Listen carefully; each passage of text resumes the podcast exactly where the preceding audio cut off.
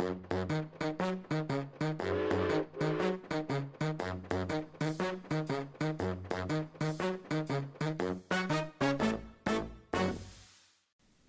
en gang har jeg eh, den glede å ønske alle dere lyttere hjertelig velkommen til en ny episode ut av podkasten vår Ekspedert. Den produseres på eh, Narvik museum, men eh, i dag har vi tatt oss en tur ut i periferien i godværet. Eh, og sett på en altan i Barbogen på Senja. Og eh, vi skal eh, jakte litt, grann, eh, både ute i, i eh, geografien og på folk. Og eh, til å hjelpe oss med denne jakta på han Anton Eilertsen, som vi kaller episoden, så har vi med oss i det her mobile studio han Rolf Andreas Markussen. Velkommen til oss, Rolf Andreas. Ja, velkommen til oss, Jon. Det er hyggelig å være her. Her er det helt fantastisk fint å, å, å være. Og um, vi eh, har da kalt episoden 'Jakta på Anton Eilertsen'. Og da må vi kanskje presentere han Anton Eilertsen for våre lyttere. Hvem er han Anton Eilertsen?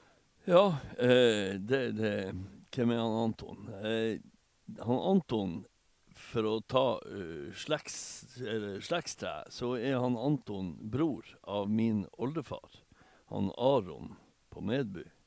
Eh, Medby i Bjerkvik. Som eh, i en alder av 19 år ikke utvandra til Amerika, som mange gjorde i denne tida, men i en alder av 19 år, i 1904, reiste til eh, Svalbard og ble en eh, overvintringsfangstpioner der oppe.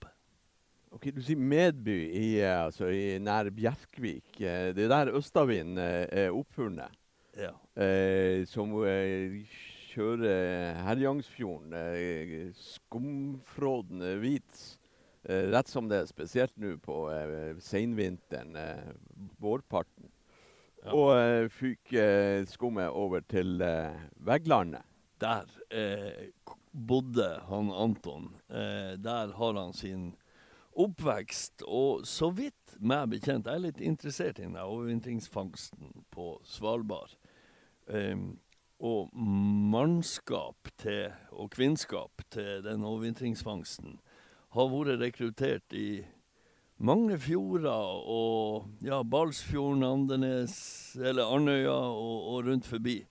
Eh, Ofoten hadde jo på en måte sitt eget Klondyke i denne tida, eh, tidlig på 1900-tallet.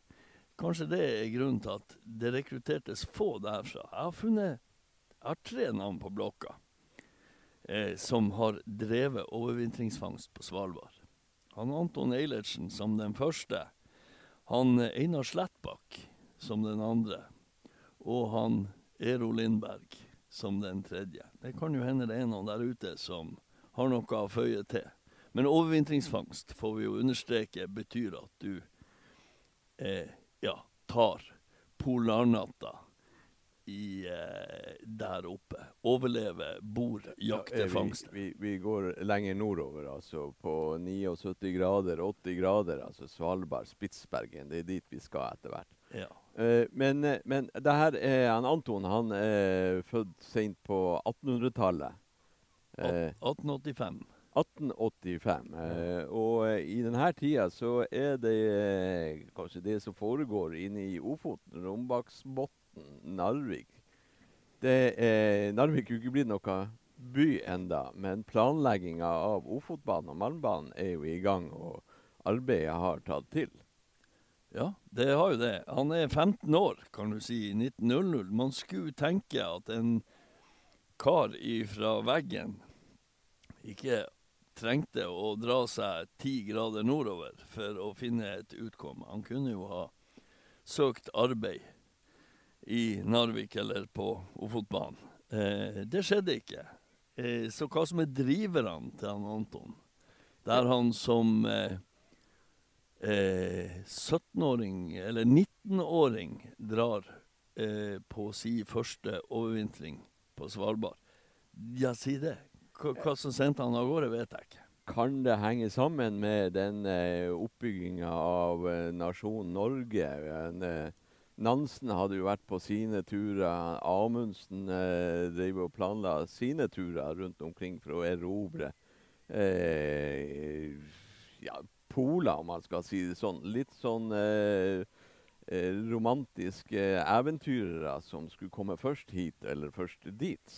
Tror du han kunne ha vært inspirert ut av eh, de her folka? Ja, gud vet. Eh, men det er jo en veldig sånn Ja, det, det, det, det, er en interessant parallell, og kanskje først og fremst fordi at eh, Altså det her polarbeidet eh, Nansen Amundsen, som du nevner, og, og, der er mange flere. Eh, det var jo en viktig del av nasjonsbygginga. Men jeg tror det må gå an til å si at han eh, Anton var en del ei annen bølge. Han var samtidig med de her karene. Han møtte sågar tids, Tidsvinduet er det samme? Ja, tidsvinduet er det samme. Han møtte sågar eh, legendariske Hjalmar Johansen på ei av overvintringene sine på Svalbard. Eh, så det her er folk som opererer samtidig, og som sikkert er satt opp med noe av de ja, samme harde skallene. Eh, og, og, og, og eh, dyktigheter til å overleve i mørtna og i kulde. Men det han Anton driver med, er arbeid. Det er eh, å prøve å få et utkomme i et liv. Han, det her er småkorsfolk rundt århundreskiftet, og folk som prøver å ja, si søke lykken, eller De fleste de søkte jo lykken eh, på bolaget eller på, på jernbanen. Ja, Både under anleggstida og videre arbeid for, eh, for uh, altså Denne tida Narvik eh, grår opp, men han er jo ikke helt mainstream, han Anton. Nei, og, og det er jo sågar mange i denne tida som emigrerer til USA. Det er jo en enorm migrasjon over til USA, men han reiser jo da i motsatt retning. Han Oi, drar nordover. Du begynner jo å bli en voksen mann, du også, Rolf. Er det, har det noen sammenheng det når man begynner å bli eldre, at man begynner å søker i sine røtter og eh, har lyst til å finne litt ut med hvor kommer man fra, sin identitet eh, med forfedre og formødre. Nei, nei, nei. nei. Jeg er ikke blitt så gammel, Jon. Nei, nei, nei. nei, nei, jeg, nei Da hadde jeg fått tilbud om stilling på museet. Nei, jeg, jeg, jeg har ei søster. Hun er elleve år eldre enn meg, så det kan jo hende jeg kommer dit eh, om elleve år. Men jeg har ei søster som eh, gjør et eh, Berit Markussen. Og jeg, eh, hvis jeg kan lage en liten spoiler nå, så kan jeg jo si at i årboka eh, Hva dere kaller den årboka? Ofoten Årboka for Ofoten. Ja. Årboka for ja. Ofoten 2023. Så vil hun Berit komme med en fantastisk tekst om Anton Eilertsen, han jeg sitter og prater om nå. Så jeg skal ikke, jeg skal ikke gå henne i næringa. Men Eh, ja, i, i eh, Jeg har alltid likt fjellet og jeg holdt på å si Fjellet og venner og kummerlige kår, det har, har, vært en sak. Eh, så jeg og eh, fire kompiser Du er en av dem. Eller jeg og tre kompiser til. Eh, vi hadde lyst til å seile nordover. Og da snakker vi eh, med båten Ultima Thule, Trond Berger som skipper. Og her tror jeg vi begynte å planlegge i 2015. Og før vi rakk å ta tampene på moloen i Narvik, så kunne søsteren min fortelle meg at eh, du, du som skal seile til Svalbard, vi har en slektning der oppe. Og da hadde hun eh, allerede klart å grove og knokler opp av jorda. Og, eh, så Anton Eilertsen eh, Når vi reiste til Svalbard, eller seilte til Svalbard i 2017 med Ultima Thule, så, eh, så, hadde jeg blitt fortalt om han, Anton Eilertsen og hadde lest meg opp. Ja, det ble en liten greie på denne turen, det å eh, liksom eh, jakte på han eh, Anton Eilertsen og hans spor og levninger oppe på Svalbard. Det gjorde det. Eh, Nå skal man jo være forsiktig når man går for seil. Så skal man jo være forsiktig med å legge planer. Eh, for det er jo vår herre og vind som styrer eh, både retning og distanse. Men eh, ja, vi hadde, eh, vi hadde lyst til å eh, Vi hadde rett og slett lyst til å komme oss til plassen der han Anton Eilertsen endte sine dager den 12. mars i 1912. Krosspynten som ligger eh, ned i Vidjefjorden nord på Svalbard. Du sier han endte sine dager i 1912. altså Han ble ikke gamle karen. 26 år. 26 år. Ja. Men har satt sine betydelige spor i eh, polar polarhistoria, og ikke minst innenfor jakt og fangst. Han er et stort navn, kanskje ikke det mest berømte navnet blant overvintringsfangsterne på Svalbard. For da, da ramler folk som Hilmar Nøys og, og Henry Rudi eh, veldig fort opp, og du Mm, har et mm. par andre også. Men han var en pioner. Han var tidlig ute, han var dyktig, han gjorde store, eh, faktisk enorme fangster, og han eh, eh, bygde bygg som ja, faktisk eksisterer den dag i dag. Vi eh, ser litt på kartet. Du sier at du kutta tampene i Molon i Narvik. Eh, Det er jo en fin eh, sommerdag i 2017. Eh, går opp gjennom Tjeldsundet forbi Harstad og Finnsnesrenna. Og tar hele leia opp forbi Tromsø, som er da ishavsbyen i nord, som vi kaller det for. Og forlater fastlandet ved Torshavn tangerer Bjørnøya, så kommer da på sydspissen av eh, Spitsbergen og får hele vestsida av, eh, av Svalbard. Eh, før vi lander da i eh, Longyearbyen, først og fremst. Ja. Det den sjøreisa tar ei uke. Du sa Torshavn, det skal være Torsvåg. Eh, det er jo der man gjerne slipper fastlandet og 4G-en og alt som eh, kjennetegner eh, det, det, det, det vanlige sivile livet. Så det er en fantastisk følelse å komme seg ut på Barentshavet og miste ja, miste all land av syne. Da er det plutselig bare himmel og hav. Fire mann. Og ei uke seinere så eh, eh, legger vi til kai i Longyearbyen. Og vi har da tre uker på oss til vi må være hjemme på fastlandet. Det er jo i motsetning til han Anton, så, eh, så, så må vi jo på arbeid. Det her helvetes arbeidet vi må på. Eh, så vi kommer til Longyearbyen, har tre uker, eh, hvorav ei av de ukene må settes av til å seile hjem. Ja, det blir 14 dager der oppe. Det er ikke all verdens tid. Det er ikke all verdens tid, for det er et stort og eh, ikke bare er det et sånn i utbredelse ei stor øy. Nå snakker jeg om Spitsbergen. I tillegg har du jo Nordøstland. Du har Barentsøya, Edsjøya og Kong Karlsland og alt det her. Eh, men det er så mange fjorder og tarmer og brefall og vatn og sund og Så det å gå oppover der i, i, eh, liksom, for å komme fort frem, det er, blir feil. Setter jeg ikke en seilbåt for å komme fort frem. Gjør ikke det. Nei. Hvor han, eh, hvor han drev sitt eh, virke aller mest der oppe, han Anton? Han var på flere plasser. Eh, han begynte på Akseløya, og da var han eh, eh, Og Akseløya ligger sør på Vest-Spitsbergen. Mellom Fanmi... Det, det er en, en sånn tynn bagett av ei øy. Lang, tynn bagett av ei øy som i Belsundet, som Fanmienfjorden er sperre liksom ute i fjorden der. Det er mange, blant annet han eh, Einar Slettbakk som jeg har snakka om. Han virka i det området og gjorde betydelige fangster før eh, isbjørnfredninga i 73. Men han, eh, han, eh, han hadde sin første overvintring der. Neste overvintring, så vidt jeg husker, da skulle de til prins Karls Forland, som er en annen bagett, som ligger eh, nord-sør på vestsida av Spitsbergen.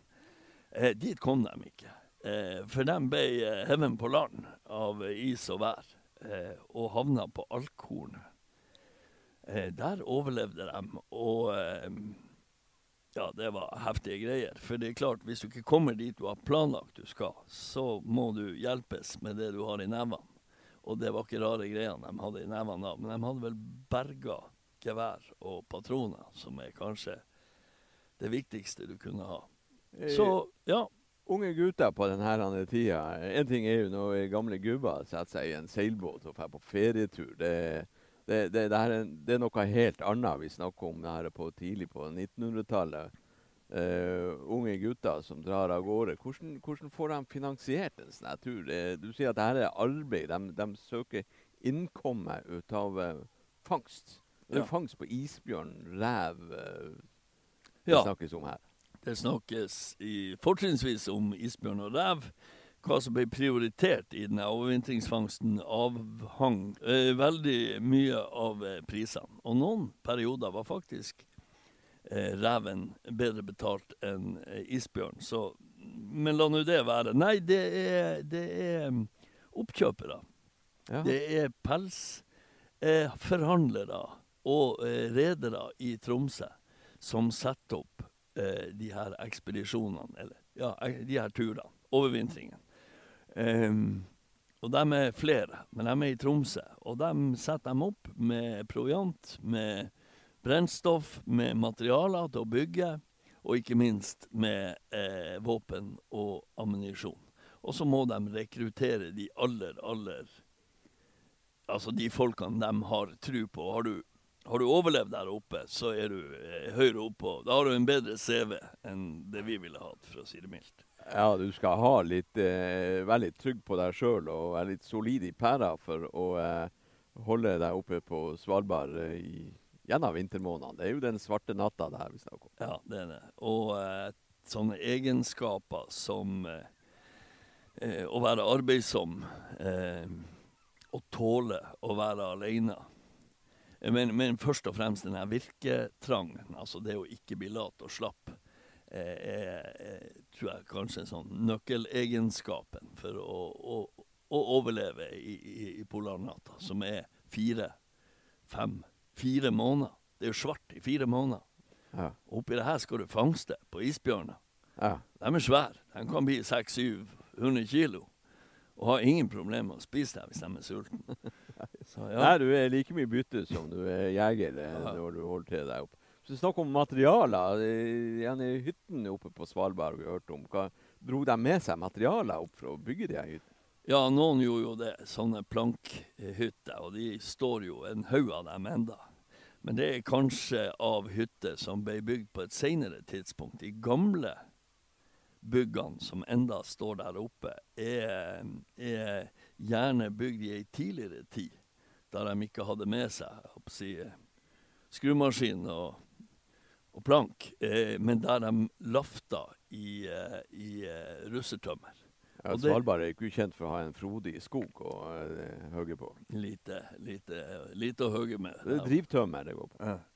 Fra russiske elver som renner nordover i Sibir og havner ut i havet, og reker på land i bukter og strender, og til dels sjukt mye av det. Så eh, at det ble brukt som mm, byggematerialer av de tidlige fangstmenn, eh, og etter hvert også seinere Kom, eh, kom du deg på denne turen i 2017 som du snakker om? Kommer du deg innom på noen av de plassene som han, eh, eh, han var på, han Anton, når man skulle liksom jakte på hans spor?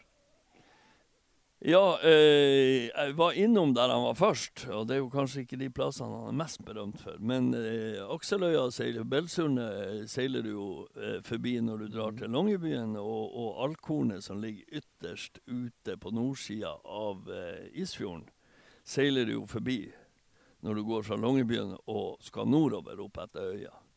Eh, men det som liksom var eh, prikken på kartet her, var eh, crosspynten. Og eh, dit kom vi ikke, og det så vi ganske tidlig. Eh, tida kom til å renne ifra oss. Skulle vi komme oss til crosspynten, så ville vi halsa dit og tilbake. Så eh, Crosspynten, det ligger nesten i bunnen ut av en lang, lang, lang fjord som Mm. kalles for Veidefjorden. Videfjorden er lang. Den er vel, tror jeg, godt over ti mil lang. Og hvis du tenker Norges lengste fjord, Sognefjorden, så er den 20 mil lang. Så det, eh, på ei øy der oppe, så er ti mil lang fjord jævlig langt. Og han går nord-sør. Og Ja. nede i den fjorden, på vestsida av den fjorden, ligger Crosspyn. Ja. Der endte han eh, Anton sine dager, og der er si grava hans. uten at vi snakker om en kirkegård her, så er det nå der han døde og ble begrava. Og dit ønska vi å fære i 2017, men kom oss ikke dit. Nei, Eh, tida gikk for den lille ferietimen din, og Ja. du måtte gjøre vennereis og seile samme vei tilbake igjen. Ja da, da kryssa jeg Barentshavet for andre gang i mitt liv. Og så er det jo sånn når man sitter der og eh, litt sånn oppsummere, så kommer alltid det her spørsmålet opp. Har du vært her for siste gang? Mhm. Skal vi aldri tilbake hit? Og, og uten å bli pompøs her, så, så veldig mange av de her overvintrerne eh, ble på et vis sånn Det var akkurat som de fikk et virus i kroppen. Når de kom til Tromsø og fikk eh, veksla skinnene inn i penger og drukket opp det meste på, på ølhallen, så måtte de tilbake. Altså Det er jo folk som har over 30 overvintringer. Og, og mange har veldig mange overvintringer. Eh, jeg skal ikke lyge på meg at jeg er en av dem, men du kjenner på et eller annet eh, at ja, du vil tilbake. Ja, Eh, da, er du i ferd med å røpe for lytterne våre så at eh, det ble en tur til tilbake til, til Svalbard. det gjorde det. Ja, det var i fjor, det. Ja, i, Og da, da, da har du kanskje fått lest deg litt opp. Eh, altså, vi må reklamere litt for museet. Dere var innom på museet i, eh, på Svalbard. Ja. Eh, får kjøpt en del polarlitteratur, spesielt på fangstlitteratur. ja. Og eh, du ruster deg opp for en, en ny miniekspedisjon i 2022. ja. Finner du da noe eh, eh, mer spor etter eh, din eh, ja, men kan si, grandonkel eh, Anton? Ja, eh, da gikk vi til crosspynten. Og det som løste denne tids... Denne helvetes tidsklemma, ja. Det er jo at vi i juni allerede seilte Ultima Thule oppover til Longyearbyen og la henne og fløy tilbake til Narvik. Bare en ren transportetappe. Dermed kjøpte vi oss ei uke, så nå hadde vi tre uker til å utforske arkipelet der oppe. Og denne gangen så kunne vi seile sakte og rolig eh, ut Isfjorden, nordover, eh, helt opp på toppen. Og eh, både ta oss ned i Woodfjorden og etter hvert også i Vidjefjorden. Og vi kom klokka fire på natta til Crosspynten i et nydelig vær. Jeg husker, Vi var tre mann om bord. Alle var stille. Det var så eh, Det var så sånn mat. andektig stemning her. Veld, veldig. Ja. Veldig. Jeg vet ikke om de kikka på meg om jeg skulle bli litt sånn eh, slektssentimental. Det, det er jeg kanskje litt dårlig på, men eh, Men vi var i hvert fall stille, og vi eh, la båten for anker og gikk inn med gummien og eh, til crosspynten. Hadde med oss en termos kaffe og for og tusla rundt på den her eiendommelige, karrige, gudsforlatte plassen der han Anton eh, tok kvelden i 1912. Så vi er jo faktisk 110 år etter han. Ja. Er det noe spor etter hytte der? Eh, gravplass? Ja, eh, grava hadde vi lyst til å finne. Eh, den fant vi ikke. Eh, eller vi kan i hvert fall ikke med sikkerhet si at vi fant den. Og erosjon og alt har sikkert gjort sitt, for det er ikke et, et markert gravsted. Korset etter Anton Eilertsen, det er på Svalbard museum.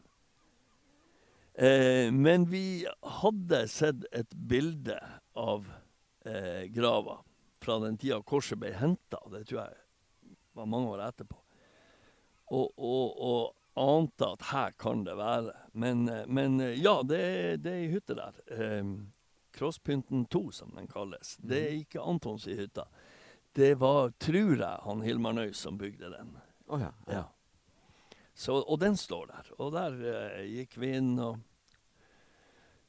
drakk kaffe og, og måtte spikre igjen et vindu. Isbjørner har jo en lei tendens til å mokke inn alt de ser av vindu på hytter på Svalbard. Så der var nå ruta på gulvet, så vi måtte få den opp og, og planke igjen et vindu, så ikke skulle fyke igjen. Dere traff noen andre eh, legendariske, eh, ennå levende personer der oppe. Dere var innom Mushavna. Kan du Ja. fortelle litt om det? Hva dere traff der oppe? Ja, Kjell Reidar Hovelsrud. Han er jo nå en mann ca. mellom 70 og 80 år. Han eh, har vel 30 års virke på Svalbard som fangstmann, også som, eh, som hjelpemann for eh, Fina-gruppa og de her som drev i et slags sånn vindu på 60-tallet. Helt til begynnelsen av 70-tallet. For de, de fant ut det kunne være olja. Så det, det er en slags sånn olje... Ja. Så de for rundt og tok utmål på de mest gudsforlatte plassene. Og nå er vi jo øst på, på eh, Altså på østsida. Edsjøya, eh, der omkring. Og eh, Så der har han eh, holdt på. Så ble han fangstmann. Eh, hundemann. Han var jævlig eh, god med hunder og hadde masse hunder. Og på et tidspunkt så etablerte han seg i Mushamna, som ligger rett innafor Gråhuken eh, nordøst i Vudfjorden. Mm. For de som er interessert i å, å bla i kart. Eh, og der hadde han altså ved hjelp av drivtømmer lafta seg ei hytte. Det er det vakreste bygget jeg tror jeg har sett i mitt liv. Eh, det er stort til å være ei fangsthytte på Svalbard. Mm, mm. Så det første jeg sa til han, jeg så det, faen er det du har laga her? Og det neste jeg sa, det var hvordan er ryggen din? Og da smilte han og sa den er helt ødelagt. Eh, Det, det krever sitt å eh, lempe på Ja. det svære tømmeret. Ja. Du, du, du kan bare se på det. Han har gjort det mye godt alene. Men gud, hvor flott det er der oppe på, i Mushamn. Ja, han Kjell Reidar traff vi. Mhm. Jeg og han skipper Trond Berger på Ultima Thule hadde vært og eh, tjuvfiska noe, noe eh, ishavsrøyer. Og vi hadde jo garnet ute i ti minutter, og da hadde vi to hanker med, med flott røye. Og han for nå eh, og kasta med en spinner fra Biltema, tror jeg. Han, han, eh, ja. Så, eh, så, så kom han gående, og vi prata, og så ga vi han den ene hanka med ishavsrøya. Vi hadde jo ikke bruk for all Eh, fisk. Grei måte å komme i kontakt med folk Og da inviterte han. Har dere lyst til å komme over på et glass? Og det var en meget beleven eh, kveld i Mushamna med en, eh, en, eh, ja, en legende. Og han, han fangsta jo også så tidlig at han, eh, han rakk eh, å fangste før isbjørnfredninga i 73. Ja, den ble freda i 73, den, Ja. den isbjørnen. Han hadde noen, han var- litt i, i konflikt med myndighetene og øvrigheter, han også, og, og diskuterte mye med sysselmesteren, eller syssemannen som det het i den tida.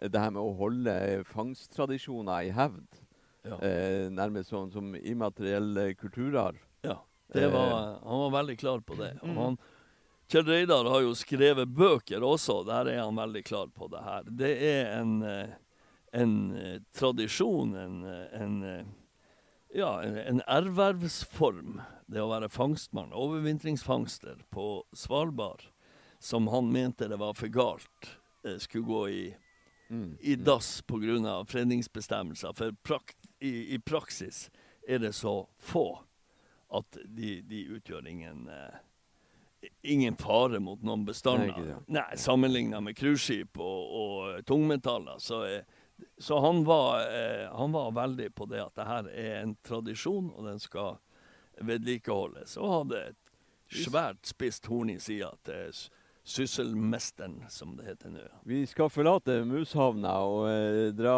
eh, videre sørover igjen eh, på jakta etter han Anton. Eh, det er jo vanlig å lande innom Tromsø og gå i land i Tromsø. Tromsø har en del museum, dem også. Eh, Polarmuseet. Ja. Finner du noen spor der etter han Anton? Absolutt. Kanskje det Det tydeligste sporet det, det er jo det med spor etter folk, etter fangstfolk. De er litt sånn eh, lei. Eh, de er så kjøttløse, de her folkene. Det er ofte hvor de var, når de kom, når de dro, hvilken båt som frakta dem, og hvilken skipper det var i båten, og hva de eh, har av fangst. Eh, så lurer man på hvem er de? Eh, hva tenkte de? Eh, ja, liksom Menneskene eh, er det vanskelig å finne ut av ved å lese de her kildene. Men på en måte, går du på Polarmuseet, så ser du eh, bygget som han eh, Anton Eilertsen og han Gustav Fors satte opp på Crossbyen. Det står på Polarmuseet i Tromsø. Ja. I 1910 var de seks mann, nei, fem mann, og bygde ei hytte. Og i 1911 for tre av dem, under litt uh, udda omstendigheter. Eh, men han Gustav Fors og han Anton de var aktive, arbeidsomme folk, og fant ut at vi tar ei, eh, en vinter til. Mhm. Og de var ikke kommet til jul før de begynner da å få symptomer på skjørbuk.